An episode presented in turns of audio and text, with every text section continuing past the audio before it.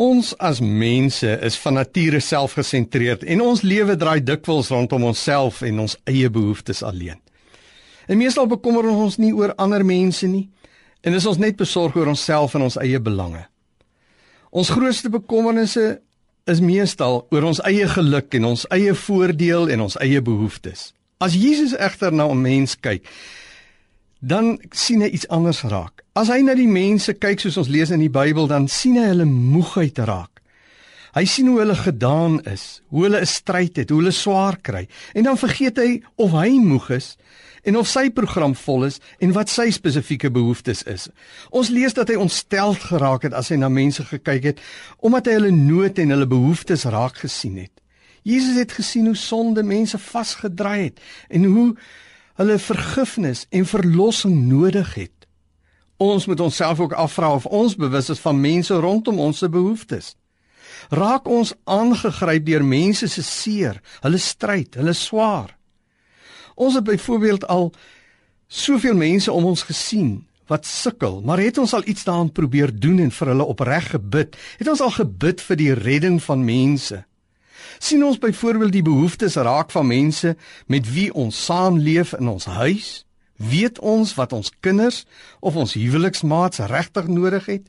Ken ons die behoeftes van ons vriende, kollegas en ander wat saam met ons werk?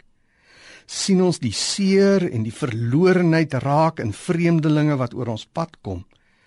God het elkeen van ons vir 'n baie spesifieke taak hier op aarde geskape. Dis waarom hy ons gered het.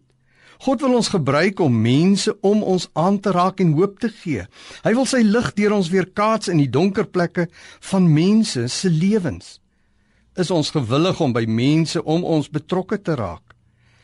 Toe Jesus die mense om hom raak gesien het wat swaar het, het hy opdrag gegee dat ons moet begin om te bid vir hierdie mense. Ons moet bid dat die Here ook arbeiders sal uitstuur na hulle. Lukas 10 vers 2. Ons moet onsself daarom eerlik ondersoek of ons bereid is om vir ander te bid. Is ons bereid om so te bid dat hulle lewens sal verander? As ons opreg begin bid vir mense, sal ons ook ervaar hoe God hierdie gebede deur ons verhoor deur vir ons na hulle uit te stuur. As jy bid, gaan God mense in jou gedagtes bring na wie jy moet uitreik. En die vraag is of jy bereid is om iemand te gaan bel, 'n e-pos te stuur of 'n SMS, 'n afspraak te maak, by iemand te gaan kuier. Here het nie 'n ander mond behalwe joune om verstaanbaar met iemand te praat nie. Jou ore, dis wat hy nodig het. Hy het ook nie ander voete as joune om na mense toe te stap nie. Het jy verskonings of skuif jy jou verantwoordelikheid op iemand anders af?